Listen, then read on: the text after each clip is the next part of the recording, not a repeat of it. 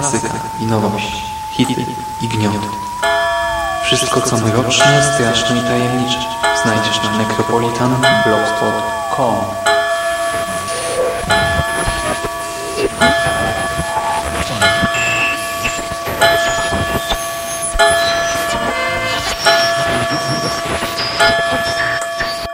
Witam w nawiedzonym podcaście.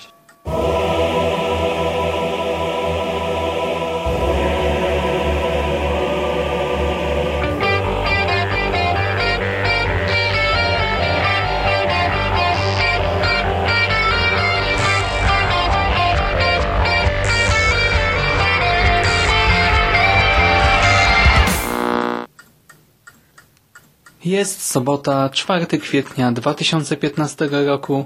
Słuchacie właśnie 23 nawiedzonego podcastu, a po tej stronie dyktafonu wita się z Wami Szymas.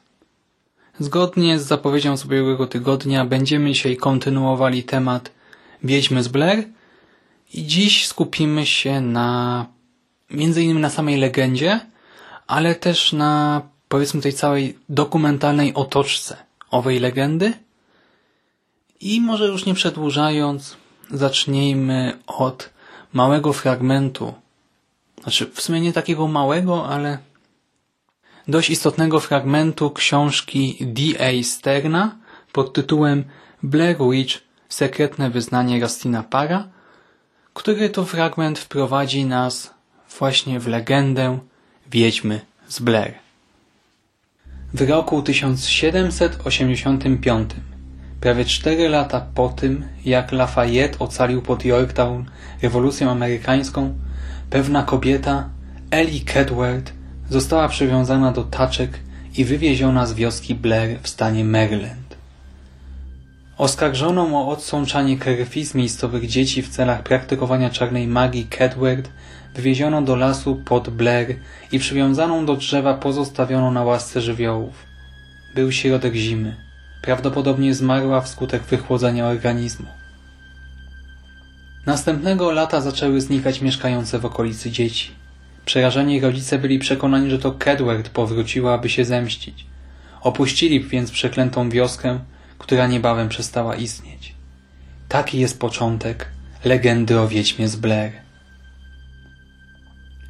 Działo się to długo po procesach czarownic w Salem i wiele dziesiątek lat po tym, jak w Europie dobiegły końca słynne polowania na czarownice. Egzekucja Eli Kedward to pewna niezgodność historyczna i to pod wieloma względami, gdyż po roku 1824 klątwa związana dotąd z osobą Kedward przenosi się również na miejsce, gdzie ją pozostawiono, nanosząca adekwatną nazwę Black Hills w stanie Maryland. W roku 1824 magnat ziemski nazwiskiem Berkit Baltimore w miejscu, gdzie niegdyś znajdowało się Blair, zakłada Berkitsville. Jego miasteczko było częścią Black Hills. Berkitsville zostaje szybko zasiedlone, głównie przez niemieckich imigrantów noszących takie nazwiska jak Lenhardt, Müller i Bauch. Większość z nich to farmerzy, zajmują się oni uprawą pszenicy, kukurydzy i żyta. Hodują owce, krowy oraz świnie. To prości, ciężko pracujący ludzie, głównie wyznawcy luteranizmu, nie ulegający przesądom czy zabobonom. To jednak, co wkrótce wydarzy się w ich miasteczku, da im powód do głębokiego zastanowienia i zmiany poglądów w co najmniej kilku kwestiach. W roku 1825 kolejna dziewczynka, jedenastoletnia Eileen Trickle, topi się w pobliskiej rzece, Tepi East Creek. Świadkowie zeznają, że widzieli, jak spod wody wyłoniła się ręka starej kobiety i wciągnęła dziecko w głębinę. Ciała dziecka nigdy nie odnaleziono. W 1886 roku znika ośmioletnia Robin Weaver. W kilka dni później zostaje odnaleziona cała i zdrowa. Jednakże pięcioosobowa grupa poszukiwawcza wysłana na ratunek dziecku znika bez śladu. Pojawiają się pogłoski, że nieszczęśnikom wypruto wnętrzności. Ciał poszukiwaczy nie odnaleziono, a w 1941 roku kolejny koszmar. Rastin Parr. Ameryka była tak zajęta potworami z oceanu, że kompletnie przeoczyła jednego na swoim terytorium. Rustin Parr powinien był zaczekać, aż sprawy trochę przycichną i media zaczną szukać sensacji. Wówczas jego nazwisko mogłoby być dziś wymieniane na równi z Kubą Rozpruwaczem. Bądź co bądź, w 1941 roku seryjni zabójcy nie pojawiali się tak często jak w naszych czasach. Stanowili prawdziwy ewenement, osobliwość. A seryjni zabójcy porywający i mordujący dzieci? Trudno o lepsze ucieleśnienie czarnego luda. Jednakże w owym roku gazety miały co opisywać. Było wiele ważniejszych spraw. Świat rozsypywał się w drobny mak i tylko najbardziej zatwardziali izolacjoniści wzbraniali się przed przyznaniem, że aby zrobić porządek z całym tym bałaganem niezbędna jest interwencja Stanów Zjednoczonych. Zresztą i na rodzimym gruncie nie działo się najlepiej. Od wielkiego kryzysu upłynęło zaledwie kilka lat, związki zawodowe znajdowały się u szczytu swojej potęgi i wpływów. Zarówno związkowcy, jak i łami strajki padali ofiarą pobić. Wiele było też ofiar śmiertelnych. Przywódcy związkowi osiągnęli władzę równą polityką. W tych niespokojnych czasach Rustin Parr trafił na łamy gazet zaledwie dwukrotnie. W dniu, gdy wszedł do sklepu wielobranżowego Smytha w Burkittsville i oznajmił znajdującym się tam ludziom nareszcie skończyłem oraz w dniu, kiedy go powieszono. Bert Atkins, właściciel sklepu, sądził, że Parowi chodziło o zapas karmy dla psów, której dużą ilość nabył podczas swojej ostatniej wizyty w mieście. Dopiero kiedy szeryf Damon Bowers i jego zastępca po czterech godzinach marszu przez Black Hills dotarli do domu para, okazało się, co ów naprawdę miał na myśli. Bowers i jego zastępca Howard odkryli ciała siedmiorga małych dzieci pogrzebane w piwnicy domu para. W drodze powrotnej do miasta napotkali ósme dziecko, które zniknęło z Burkittsville w ciągu siedmiu miesięcy pomiędzy listopadem 1940 a majem 1941 roku. Od dwunastoletniego Kyla Brodiego dowiedzieli się o szczegółach zbrodni para, o tym jak porwał dzieci i co z nimi później robił. Kyle udzielił stróżom prawa wyczerpujących zeznań, opowiedział jak par zmusił go do zejścia wraz z innymi ofiarami do piwnicy, gdzie kazał mu stanąć w kącie i słuchać. To, co usłyszał, nękało Kyla Brodiego przez resztę jego życia i aż do śmierci był częstym gościem zakładów psychiatrycznych. Sam Parr nigdy nie wypowiedział się publicznie na temat zabójstw. Jednak na kilka dni przed egzekucją wziął udział w konferencji prasowej. Z jego ust padło kilka zagadkowych zdań, w tym także osobliwa wzmianka o głosach odpowiedzialnych rzekomo za dokonanie tej okrutnej zbrodni. Miejscowe media skoncentrowały się na jego wypowiedzi, przypisując odpowiedzialność za tę zbrodnię wiedźmie z Blair. Powszechnie uznano, że była to jej ostatnia manifestacja i że to właśnie Ellie Cadward szeptała Rustinowi do ucha, kiedy z nożem w ręku torturował swoje ofiary. Nikomu jednak nie dane było poznać prawdy. Parę poszedł na szubienicę, nie pisnąwszy więcej ani słówka na temat popełnionych zabójstw. Wszelkie możliwe wytłumaczenia jego poczynań czy głosów rozlegających się w jego głowie umarły wraz z nim. A jednak w noc poprzedzającą egzekucję par odbył spowiedź, wyznając ojcu Dominikowi Kazalemu grzechy. Kazale nigdy nie wyjawił nikomu tego, co usłyszał od para, upierał się natomiast, że Rastin, jak wszystkie dzieci Boże, był duszą zasługującą na odpuszczenie win, a nawet na zbawienie. Nigdy długo o tym nie rozmawiał, ani ze mną, ani z nikim innym. Kiedy spotkaliśmy się w Nowym Jorku, nazwisko Rastina Para ani razu nie przeszło mu przez usta. Jednakże podczas naszej ostatniej rozmowy telefonicznej, mniej więcej pół roku po spotkaniu w Święto Dziękczynienia, nabrałem przekonania, że coś go dręczy i że może to mieć związek z wydarzeniami z przeszłości. Z tym, co usłyszał przed laty w Burkittsville.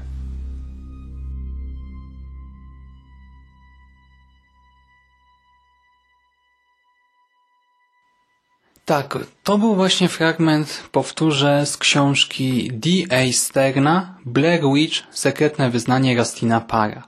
Tak, jest wydanie polskie, wydanie wydawnictwa Zysk i Skaz 2002 roku i nabyłem je niemalże dokładnie rok temu na ubiegłorocznym Pyrkonie. Na stoisku z tanimi książkami, nie pamiętam ile za nie dałem, nie wiem, 5, 10, 12 zł, raczej nie więcej. Cena okładkowa to 25 zł. I gdy znalazłem tę książkę, byłem dość zaskoczony, nie ukrywam, bo po pierwsze nie zdawałem sobie sprawy z istnienia książek związanych z Blair Project, A tym bardziej nie spodziewałem się znaleźć jedną z takich książek w języku polskim i oczywiście od razu zapragnąłem posiadać ją we własnej kolekcji.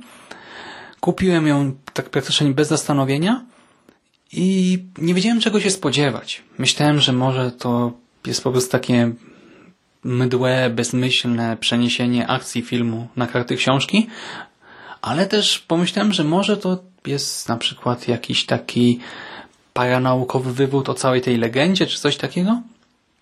Ostatecznie nie trafiłem, ponieważ jest to książka, która dość mocno nawiązuje do filmu i która jednocześnie poświęca dużo, dużo miejsca legendzie Wiedźmy, ale tak naprawdę traktuje o czymś innym. Traktuje między innymi o postaci księdza, któremu, jak słyszeliśmy, wyspowiadał się przed egzekucją Rastin Par. Rastin Par to ten facet, o którym słyszymy już w The Blair Witch Project, który został oskarżony o zamordowanie siedmiu dzieci z Berketsville. To w jego domu podobno znaleziono ciała, to też w jego domu kończy się akcja pierwszej części filmu. The Blair Witch Project to tam właśnie mamy tę końcówkę z postacią stojącą w rogu i to tam też rozgrywa się między innymi akcja Księgi Cieni, The Blair Witch Project 2. To jest to miejsce, takie ruiny, do którego przybywają nasi bohaterowie i tam też zasypiają, dochodzi do tej orgi, no i budzą się i te taśmy są zniszczone. Taśmy ich nagrań. Zresztą, jak ktoś widział, to na pewno wie. Jak nie widział, to trudno. I o co chodzi? Otóż D.A. Stern jest dziennikarzem zajmującym się okultyzmem, czarostwem w ujęciu historycznym, tego typu tematami. I tutaj w tej powieści występuje w roli narratora. To jest powieść teoretycznie autobiograficzna. D.A. Stern przyjeżdża do szpitala, w którym leży Dominik Kazale. Ksiądz, u którego wyspowiadał się Rustin Parr. Prawdopodobnie jedyna osoba, której Rustin Parr wyznał prawdę o swoich czynach. Punkt wyjścia, no chyba potwierdzicie, dość ciekawy. I jest jeden problem. Ksiądz Dominik Kazale jest w stanie krytycznym. Okazuje się, że jakiś czas temu odizolował się od społeczeństwa, zniknął z życia publicznego i dosłownie dwa tygodnie temu podpalił swoje mieszkanie w którym znajdował się właśnie on, Dominik Kazale, wraz ze swoją żoną. Żona zginęła, ksiądz przeżył, ale jest w stanie krytycznym. Nikt nie wie, dlaczego doszło do tego wypadku. W wypadku policja podejrzewa, że to właśnie ksiądz podpalił całe mieszkanie i ma ku temu rzekomo silne dowody. I nasz dziennikarz, który nie wierzy do końca w winę naszego księdza, postanawia zbadać całą sprawę, prowadzi własne śledztwo i w ramach tego śledztwa poznajemy między innymi opinię właśnie policji, opinię lekarza na temat e, księdza, opinię innego księdza, który znał Dominika, opinię sąsiadów, poznajemy różne materiały dokumentalne, między innymi czytamy o filmie dokumentalnym poświęconym legendzie Wiedźmy z Blair, Berkysville 7 i tak dalej, i tak dalej. Poznajemy całą masę materiałów i jeszcze w drugiej części okazuje się, że D.A. Stern dostaje dziennik Dominika Kazale, Kazalego i z tego dziennika ten dziennik pozwala nam poznać jak gdyby prywatne życie naszego księdza, różne historie z jego życia, a także to, co jest związane z Rastinem Parem i Wiedźmą z Blair. Nie będę jeszcze w tej chwili zdawał zakończenia. W każdym razie wyjaśnia nam, przynajmniej podaje możliwą interpretację tego, dlaczego, w jaki sposób doszło do pożaru w domu księdza, a także jaka jest rola, jaką odegrał Rustin Parr w tym, co zaszło w Berkysville, czyli czy właśnie zamordował te dzieci, czy nie, co tam robił, jaki był jego udział i tak dalej. Jeżeli komuś nie podobały się te filmy, to w sumie może mógłby sięgnąć po książkę, bo moim zdaniem jest to naprawdę przyjemna lektura. Oczywiście, wiecie, to nie jest żadne arcydzieło literackie. Nie, nie. To jest napisane takim stylem właśnie dziennikarskim, poprawnym, ale raczej ubogim. Nie mamy tutaj żadnych literackich opisów, zbyt wiele środków stylistycznych. Zresztą słyszeliście w tych fragmentach. To jest napisane takim dość prostym, suchym językiem, ale gdy się czyta tekst w myślach, to też nie zwraca się uwagi na ewentualne usterki językowe, zwłaszcza, że no, one nie przeszkadzają w lekturze. To czyta się dość sprawnie, szybko i mnie czytało się też bardzo przyjemnie. Cała książka ma 180 stron. Wchłonąłem ją naprawdę szybko, historia była ciekawa i właśnie ta książka sprawiła, że postanowiłem powtórzyć sobie seans pierwszego i drugiego Blair Project, a także wejść trochę głębiej w ten świat. I dzisiaj właśnie też chcę Was wprowadzić trochę głębiej w świat tej legendy i też pokazać to, jak wielka była praca twórców Blair Witch Project i jak genialna to była w gruncie rzeczy praca i co się z tym wiąże, być może wyjaśni Wam to, dlaczego ten film też stał się tak popularny w Stanach. Bo tak naprawdę, gdy przyszedł do Polski, to on już był kultowy. I co przyczyniło się do, do tej kultowości po kolei? An entire community has banded together in hopes of resolving what has been a terrifying experience for the family and friends of three missing filmmakers. For Heather Donahue, for Joshua Leonard, and Michael Williams, their fate may depend on the courage and determination of these individuals. This is Keith Whitaker reporting from the search camp for Channel 6 News. W 1999 roku D.A. Stern, ten sam od książki, o której przed chwilą mówiłem, wydał inną książkę, a mianowicie Blair Witch Project A Dossier. W tamtej książce zaprezentował też wynik jakiegoś śledztwa, przy czym tam skupił się na filmie, na filmie The Blair Witch Project. Umieścił tam różne wywiady, rzekomo z rodzinami tych studentów z filmu, a także z twórcami filmu, czyli z Myrikiem Sanchezem, i ta książka nie ukazała się po polsku, ale też zakładam, że nie jest jakoś szczególnie ciekawa i przedstawia te same fakty, jakie możemy znaleźć w filmie pod tytułem Curse of the Blair Witch, czyli Klątwa Wiedźmy z Blair.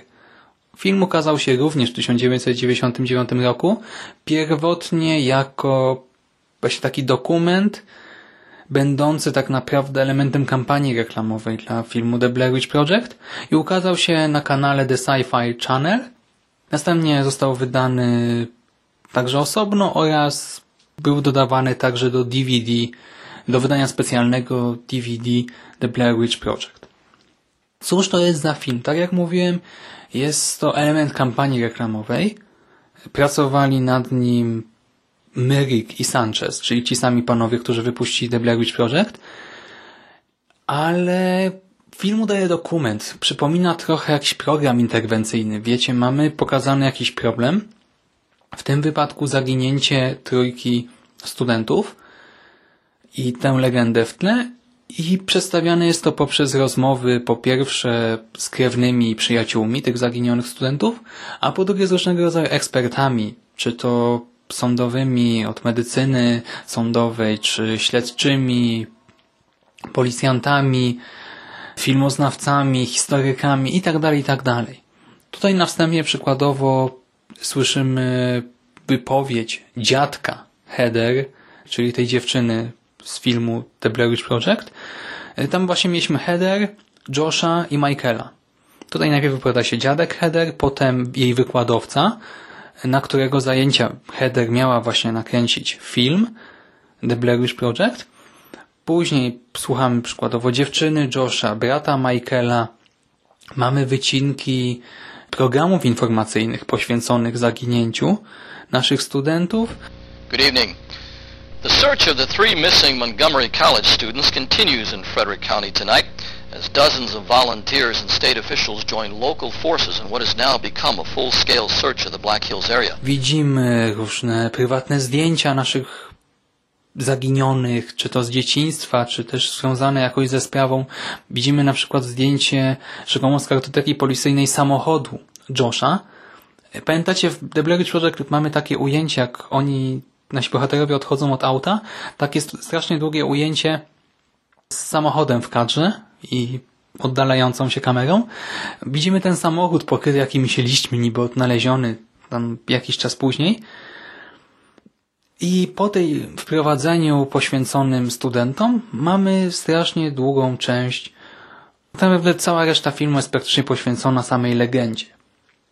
I tutaj poznajemy mniej więcej to, co Wam przytoczyłem we fragmencie z książki. Czyli cofamy się najpierw do 1785 roku, kiedy to Ellie Kedward zostaje oskarżona o to pobieranie krwi dzieciom i czarostwo, zostaje wywieziona do lasu, pozostawiona tam na pewną śmierć. I poznajemy różne opinie specjalistów, którzy twierdzą, że no prawdopodobnie te oskarżenia były wyssane z palca. Po prostu była to katoliczka w gronie protestantów i chciano się jej pozbyć, oskarżono ją o czarostwo.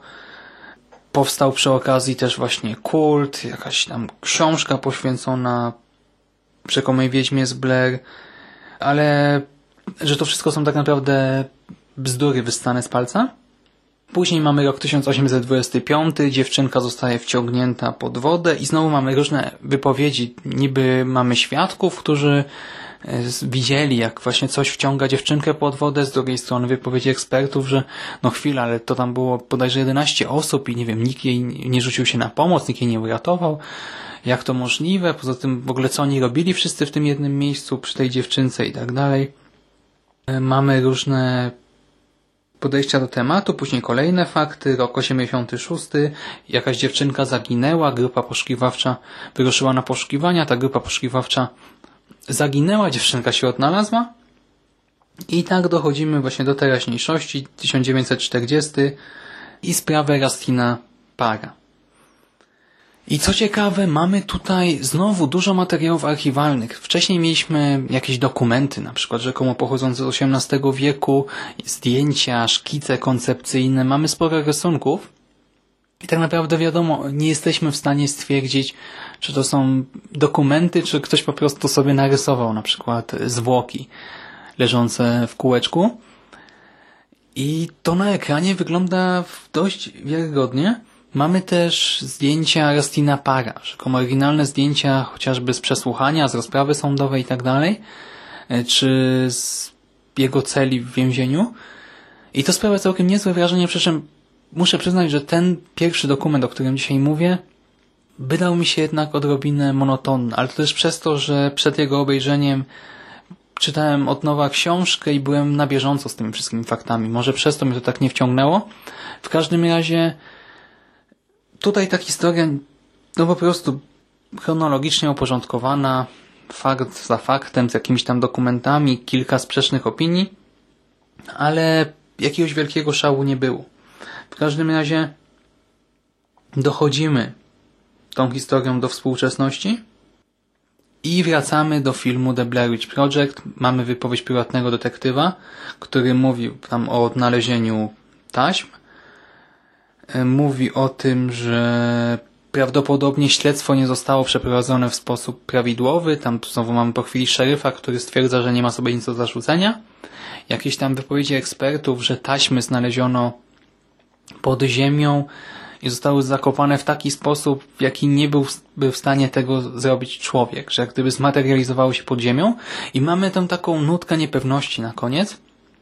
I co jest też bardzo ciekawe, ten film tak jak mówię, na początek mamy troszkę o studentach, potem mamy długą, długą legendę i ta legenda przyciąga uwagę widza. Na koniec mamy znowu słówko o tych studentach, takie ziarko niepewności i koniec. I to jest genialne, bo szczerze mówiąc, gdybym nie wiedział o co chodzi, co to za film, czym jest Blair Witch Project, Wiedźma z Blair i tak dalej, to gdybym te kilkanaście lat temu obejrzał taki dokument, to miałbym ochotę obejrzeć oryginalny film. I myślę, że taki był zamiar, zwłaszcza, że na koniec dość bezczelnie wspomniano, że twórcy dokumentu wypuszczą także właśnie tamte znalezione taśmy w formie filmu The Blair Witch Project. Teraz przejdźmy do drugiego dokumentu, The Burkittsville 7. You want the legend of the Blair Witch. The legend of the Blair Witch is long and involved, and, and in my opinion, it's mostly just stories to scare children. The Berketsville 7 to dokument z roku 2000 wyemitowany pierwotnie w stacji Showtime. Tym razem już nie stworzyli go twórcy The Blair Witch Project, a Ben Rock. Ben Rock, wcześniej raczej niezwiązany z franczyzą, chyba że coś mi ominęło, nakręcił dokument, który jest powiązany z całą tą legendą miejską i z samym filmem. The Blair Witch Project jednak skupia się na zupełnie innych aspektach niż klątwa Wiedźmy z Blair. Tutaj wykorzystano podobne materiały, to znaczy przykładowo także te ujęcia z rzekomej rozprawy Rastina Para, czy różne zdjęcia, które mogliśmy zobaczyć w poprzednim dokumencie, ale tutaj to zadziałało o wiele, wiele lepiej. Ogólnie ten film wygląda na bardziej profesjonalny. Jest dużo ciekawszy, strasznie intrygujący, napięcie rośnie i jest jeszcze lepszą kampanią marketingową dla The Blair Witch Project niż jedynka, bo wydaje się być krytyką The Blair Witch Project. O co chodzi? Już na wstępie widzimy niejakiego Chrisa Carrasco, który jest bodajże archiwistą filmowym i bada sprawę filmu The Blair Witch Project i stwierdza, że tak naprawdę no on nie wierzy w tę całą legendę o Wiedźmie z Blair. Uważa, że to po prostu jest jakaś tam zwykła legenda miejska, a natomiast film The Blair Witch Project i rzekome zaginięcie trójki studentów to jest jakiś chory żart. I on mówi wprost, że to jest sick joke. This is just really, this is absolutely more of the uh, urban legend being built up. These kids aren't missing, they aren't dead. This is just a sick joke that's uh, the kind of stuff that, that sad, sick people perform on these kind of events. That's the Blair Witch legend. I to jest genialny punkt wyjścia, bo wiecie, zaprzeczacie rzekomo tamtemu filmowi, stwierdzacie, że to jest jakaś lipa i potem cały praktycznie ten dokument skupia się na właśnie śledztwie w sprawie Rastina Para. Śledztwie w sprawie zabójstwa siedmiorga dzieci. Genialnie zastosowano tutaj materiały, rzekome materiały dokumentalne. Wykorzystano na przykład zdjęcia, rzekome zdjęcia całej siódemki dzieci. Pokazują nam zdjęcia, jest imię, nazwisko dziecka, data zaginięcia, Świetna sprawa i mamy bardzo dużo miejsca w tym filmie poświęconego Kyle'owi Brodiemu. Kyle Brody to jedyne z ośmiorga dzieci, które przeżyło. I teraz o co chodzi? Chris Carrasco, który jest tutaj narratorem całej tej opowieści, jest przekonany o tym, że Rustin wcale nie zabił tych dzieciaków, a że tak naprawdę za morderstwem stoi inne dziecko, Kyle. I Chris Carrasco stara się niejako uzasadnić swoją tezę i podaje nam różnego rodzaju argumenty, począwszy od tego, że przykładowo Kyle miał zeznać na policji, podać informacje na temat jednego z porwań, o którym nie mógł mieć bladego pojęcia, bo został porwany po jakimś innym dziecku, ale rzekomo wiedział dokładnie, co się wydarzyło, co się stało z tym wcześniej porwanym dzieckiem. Czy też mamy tutaj taki wniosek dowodowy, że Kyle wykazywał bardzo wysoki IQ, a Rustin Park był prostym człowiekiem. I w domu Kyla znaleziono napisy sporządzone w alfabecie, alfabetem wiedźm, Transitus Fluvi i tak naprawdę Rustin nie miał prawa go znać, a Kyle posługiwał się nim rzekomo biegle, co pokazał m.in. później w zakładzie psychiatrycznym. Kyle był podobno od zawsze problematycznym dzieckiem itd., tak itd. Tak i mamy tę taką mroczną, demoniczną wizję tego dziecka, ale z drugiej strony pojawia się na przykład siostra Kyla, która go broni. Pod każdym możliwym względem. I jeszcze w tle widzimy materiały z zakładu psychiatrycznego, w którym Rzekomo przez długi, długi czas leczył się Kyle Brody. I to już jest totalna blercepcja, że tak to ujmę. Blerception level hard, bo ja o tym dokumencie The Berketsville 7 czytałem w książce D.A. Sterna Blair Witch Sekretne Wyznanie Rastina Para i wiecie, tam to jest niby dokumentalna książka poświęcona tej legendzie, i w niej czytałem o tym dokumencie, natomiast w tym dokumencie oglądam inny dokument, a w ogóle to przecież ten dokument jest jak gdyby rozwinięciem innego dokumentu, który wiąże się z found footage. no, sami widzicie, ostra jazda bez trzymanki po prostu. Twórcy, no poszli na całość. Nie ma co tutaj się oszukiwać. To była też ogromna praca, którą musieli włożyć w ten cały marketing, ale do tego wrócę jeszcze za chwilę. W każdym razie ten materiał jest dużo lepszy od tego pierwszego. Ten jest naprawdę ultra mocny, autentyczny. Przykładowo te zdjęcia ze szpitala psychiatrycznego no robią wrażenie. Widzimy tam różne zabiegi. One, to nie są jakieś brutalne zdjęcia, ale są takie naturalistyczne. Właśnie zdjęcia, ujęcia.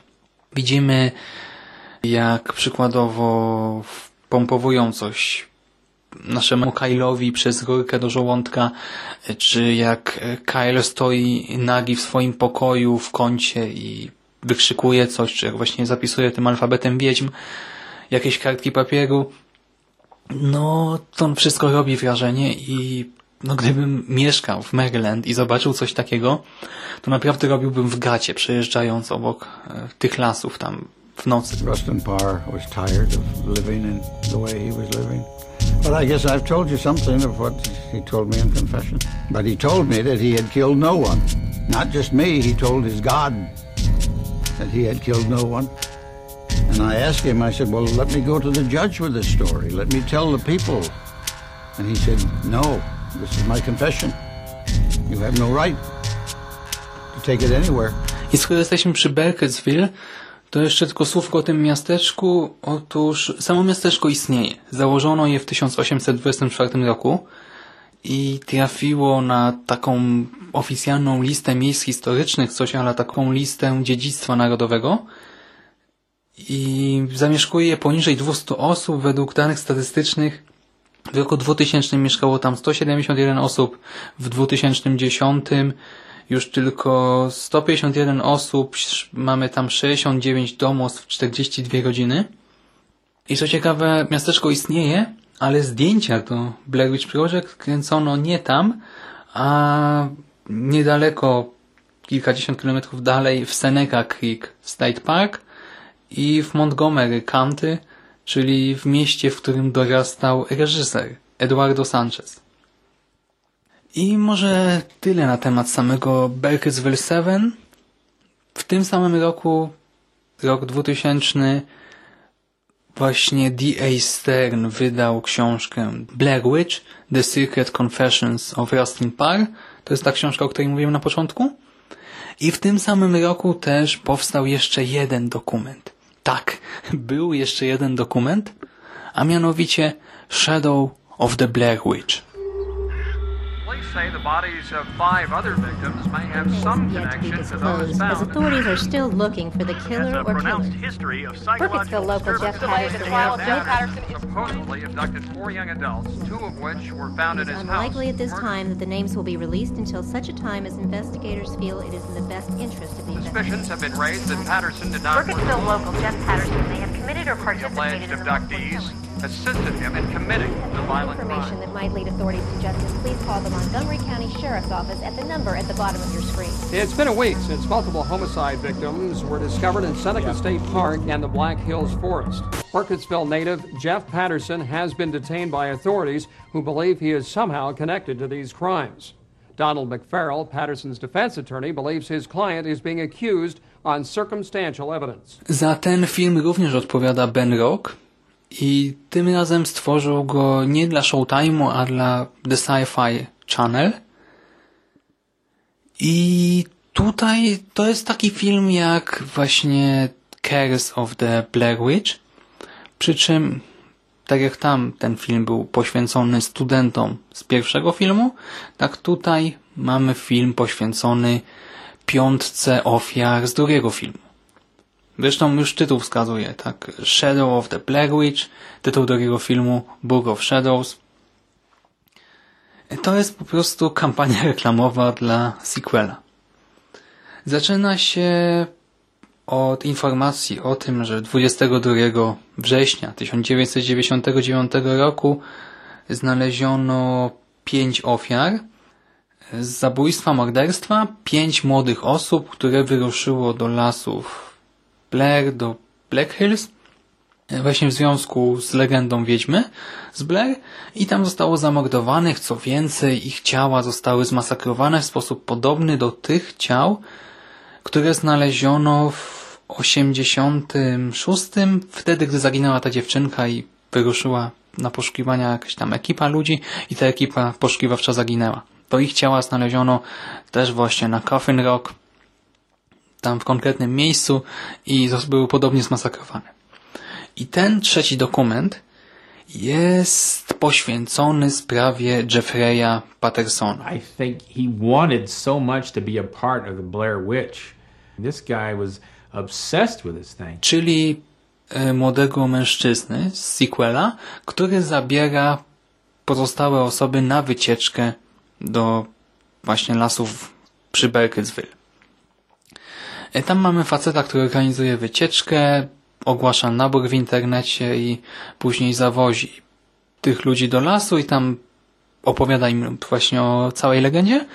I tutaj dokument wmawia nam, że taki facet naprawdę istniał, naprawdę zawiózł grupkę osób do tego lasu i naprawdę je tam zamordował. I cała treść tego dokumentu to tak naprawdę argumentacja dotycząca tego, czy Jeff Patterson jest winny, czy też nie. Znowu mamy masę ekspertów, mamy śledczych z FBI, osoby odpowiedzialne za tworzenie profilu zabójcy, adwokata Jeffreya, mamy e, różne osoby związane z legendą, między innymi Billa Barnesa. Ten facet pojawia się w każdym z tych dokumentów, jest rzekomo historykiem z Berkelsville. Mamy jakichś tam też naukowców innych, dziennikarzy i przypadkową osobę, niby mieszkańca Berkelsville, który na koniec no dorzuca też taką ziarenko niepewności, ale o tym za chwilę. W każdym razie ten, ten dokument jest jest też mocny, ale w zupełnie inny sposób niż ten, o którym mówiłem poprzednio. Berkelsville 7 było oparte na różnego rodzaju fikcyjnych materiałach archiwalnych, i po prostu świetnie budował napięcie. Był pod tym kątem genialnie stworzony. Natomiast Shadow of the Blair Witch jest mocny, ale za tę moc odpowiada dość nieetyczny moim zdaniem chwyt. Otóż Ben Rock w tym filmie posłużył się, zastosował technikę mieszania faktów z fikcją. To znaczy wykorzystuje prawdziwe materiały archiwalne czy związane z prawdziwymi wydarzeniami, jakimiś innymi śledztwami, etc. i miesza to wszystko z fikcyjnym śledztwem w sprawie Jeffa Pattersona i Wiedźmy z Blair. Przykładowo e, nagle jeden z ekspertów porusza kwestię afery Heaven's Gate. To była taka grupa religijna sekta marszala Applewhite'a, która właśnie w 1997 roku 39 osób popełniło masowe samobójstwo. 39 osób, które były członkami tej sekty popełniło masowe samobójstwo, wierząc, że tam bodajże chodziło o UFO, że przeniosą się na jakiś statek kosmiczny. No wiecie, taka alternatywna wersja zbawienia. I wiecie, zostaje wplątana taka prawdziwa historia obok mitu o wiedźmie z Blair i i śledztwa sprawy Jeffa Pattersona. Później mamy na przykład kwestię masowej histerii, materiał krótki o Hitlerze i ogólnie II wojnie światowej. Później kwestia polowania na czarownicę zostaje poruszona i przykład tak zwanej ninja case, czyli polowanie na czarownicę w Indonezji w 98 roku, 1998 roku. A później jeszcze zostaje podana klasyfikacja morderców wielokrotnych morderców, wiecie, na seryjnych, morderców w szale i masowych morderców. Serial killer, spree killer, mass killer. I przy tym zostały podane nazwiska prawdziwych morderców, wiecie, Ted Bundy, Charles Whitman, Richard Speck, Charles Manson, Zodiac, Berkowitz i tak dalej, i tak. I no, ja przyznaję, to robi wrażenie, ale moim zdaniem no to jednak tutaj już trochę posunięto za daleko. Bo o ile takie sfingowanie całości materiału jest moim zdaniem genialnym chwytem i nawet jeżeli to jest puszczone jako dokument, co jest kłamstwem, to no ja doceniam wkład pracy twórców i fakt, że naprawdę stworzyli taki ogrom materiałów. Tak właśnie dokument w dokumencie w dokumencie tego książka. No to też sama kontrola nad tym, to nie jest prosta sprawa, tak? Trzeba naprawdę zadbać o te szczegóły. Tutaj nie są malutkie sprzeczności, które mnie, gdy już tak w tym siedzę mocno, rzucają się w oczy, ale ogólnie to jest naprawdę bardzo sprawnie skrojona intryga. Ale tutaj ten trzeci dokument, no troszkę mnie to jednak ubodło. Ale abstrahując od tego, co też ciekawe, ten film też opiera się na podobnym schemacie, co ten pierwszy, o którym mówiłem, to znaczy krytykuje film kinowy. Słyszymy na przykład, że rzekomo krewni, rodzina ofiar, osób zamordowanych przez Jeffa, jest przeciwna emisji sequela w kinach, ale no niestety protesty nie pomogły i film się ukaże. Mamy też wypowiedzi Wikan, którzy są przeciwni też sequelowi, ponieważ ukazuje stereotypowy obraz Wikanina. I mamy też komentarze mówiące, że no co tu wiele mówić, ten film, sequel Blair Witch Project nakręcono tylko dla pieniędzy, wykorzystano ludzką tragedię i jeszcze do tego przeredagowano tę prawdziwą historię, którą napisało życie, tak by była jeszcze bardziej spektakularna. I mamy taką mocną krytykę teoretycznie tego filmu, ale w praktyce wiemy, no gdy ktoś nie wie o co chodzi i słyszy tego typu argumenty, to chce zobaczyć ten film kinowy. Jeszcze na koniec, tak jak mówiłem, było znowu to ziarnko niepewności. Otóż jakiś randomowy, przypadkowy mieszkaniec Berkelsville tam się wcina w jakiś wywiad i potem jest poproszony na stronę i właśnie poproszony o udzielenie wypowiedzi i mówi, że tak naprawdę ofiar było więcej, że znaleziono więcej ciał, nie tylko tych dzieciaków, które Jeff zabrał na wycieczkę do Black Hills, ale też jakieś inne ciała. There is some kind of a, like a force out there. There's been murders here before, and these particular murders, the, the most recent, I mean, there was somewhere around 10. I think it's 10 bodies. Uh, there are people in this community, whether it's the sheriff's department, uh, they just they don't want to bring that attention to it. They don't want to bring that attention to the fact that there's been 10 hideous murders here.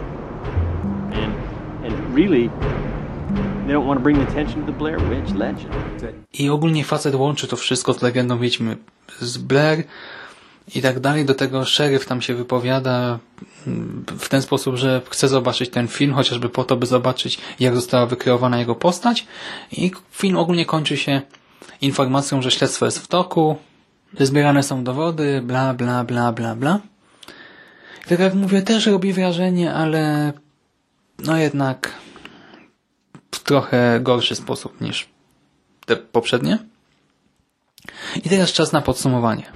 Dungeons and Dragons, that game where they all sit around and obsessed and actually become part of the characters. Well, I think Blair Witch was this guy's Dungeons and Dragons. Teraz mogę w sumie tylko powtórzyć, że od siebie polecam książkę Blair Witch, Sekretne Wyznanie Rastina Para, D.A. Sterna i jeszcze do tego dokument Berkelsville 7. Oba media traktują no o tym samym, o śledztwie w sprawie Rastina Para, tylko pokazują je z dwóch perspektyw. Tutaj mamy dokument z tymi różnymi archiwaliami i różnego rodzaju fikcyjnymi materiałami w fikcyjnym dokumencie. Brzmi absurdalnie, ale ogląda się to naprawdę nieźle. A z drugiej strony mamy książkę, która wprawdzie też jest fikcją, ale no jest napisana na tyle przystępnie, że ta historia potrafi wciągnąć. Ale tak jak mówię, to nie jest wielka literatura, to jest taki prosty para dziennikarski, dłuższy tekst z jakąś tam fabułą w tle. Natomiast klątwa Wiedźmy z Blair i Cień Wiedźmy z Blair, no tak jak mówię, to już były takie filmy typowo pod kampanię reklamową nie dające jakoś szczególnie wiele o siebie. Od siebie w jedynce mamy sporo miejsca poświęcone samej legendzie, ale to samo znajdziemy w książce, natomiast ten ostatni film siła jego przekazu opiera się w moim odczuciu w dużej mierze na tych dodatkowych, prawdziwych materiałach wplecionych w fikcyjne materiały, czego ja osobiście nie popieram. I na dzisiaj to już koniec merytorycznej wypowiedzi z mojej strony. Teraz jeszcze tylko słówko komentarza.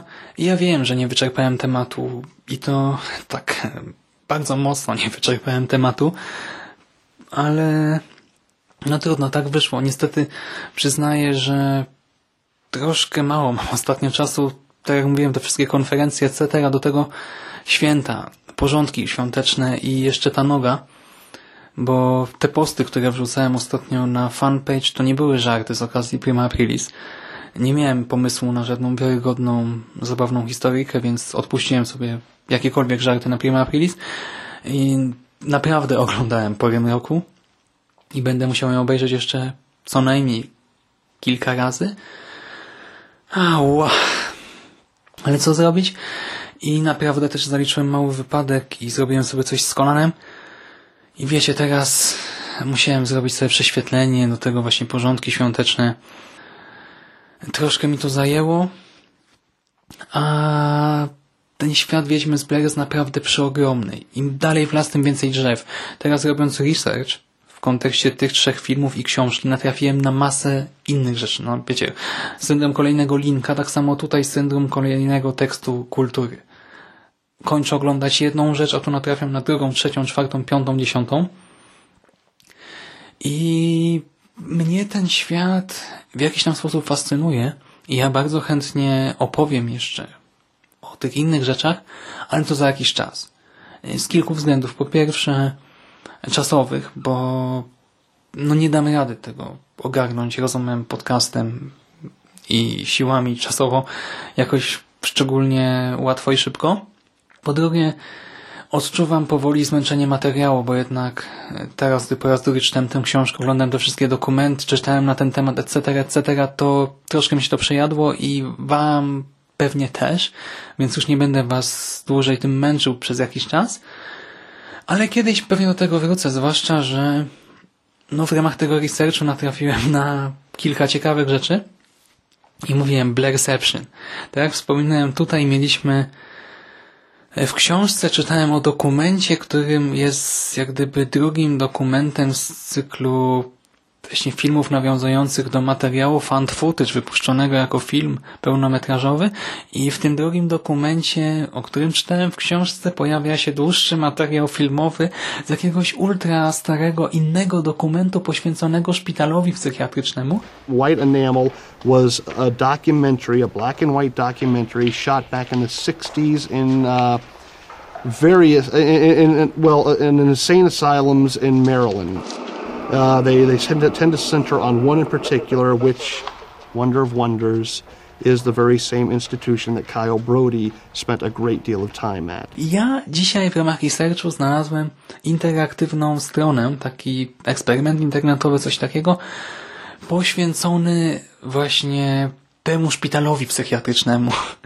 No, po prostu recepcja level hard Naprawdę byłem w szoku, ale takie ciekawostki są też fajne i dlatego ja kiedyś postaram się to wszystko zebrać i podzielić się tym z Wami, ale nie teraz, za jakiś czas. Teraz tylko podlinkuję Wam może te filmy dokumentalne, bo można je znaleźć w sieci. Jakby ktoś miał ochotę, może po nie sięgnąć. I jeszcze może rozpiskę czasową dotyczącą wydarzeń w Black Hills, czyli samej legendy Wiedźmy z Blair.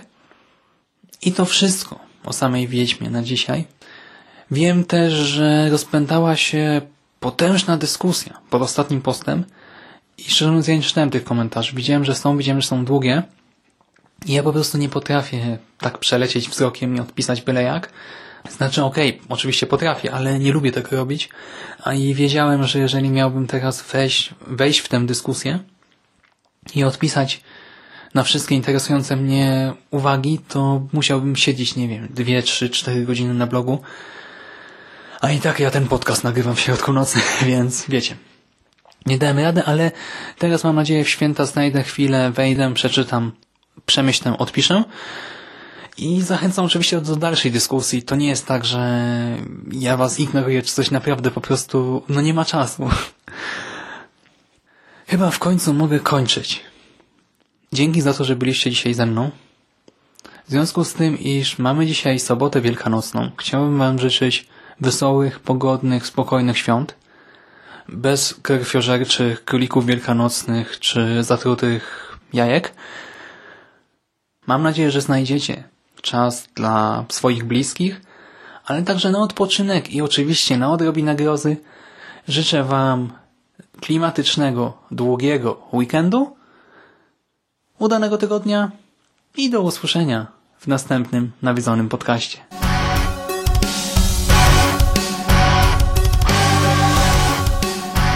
A już za tydzień w kolejnym nawiedzonym podcaście.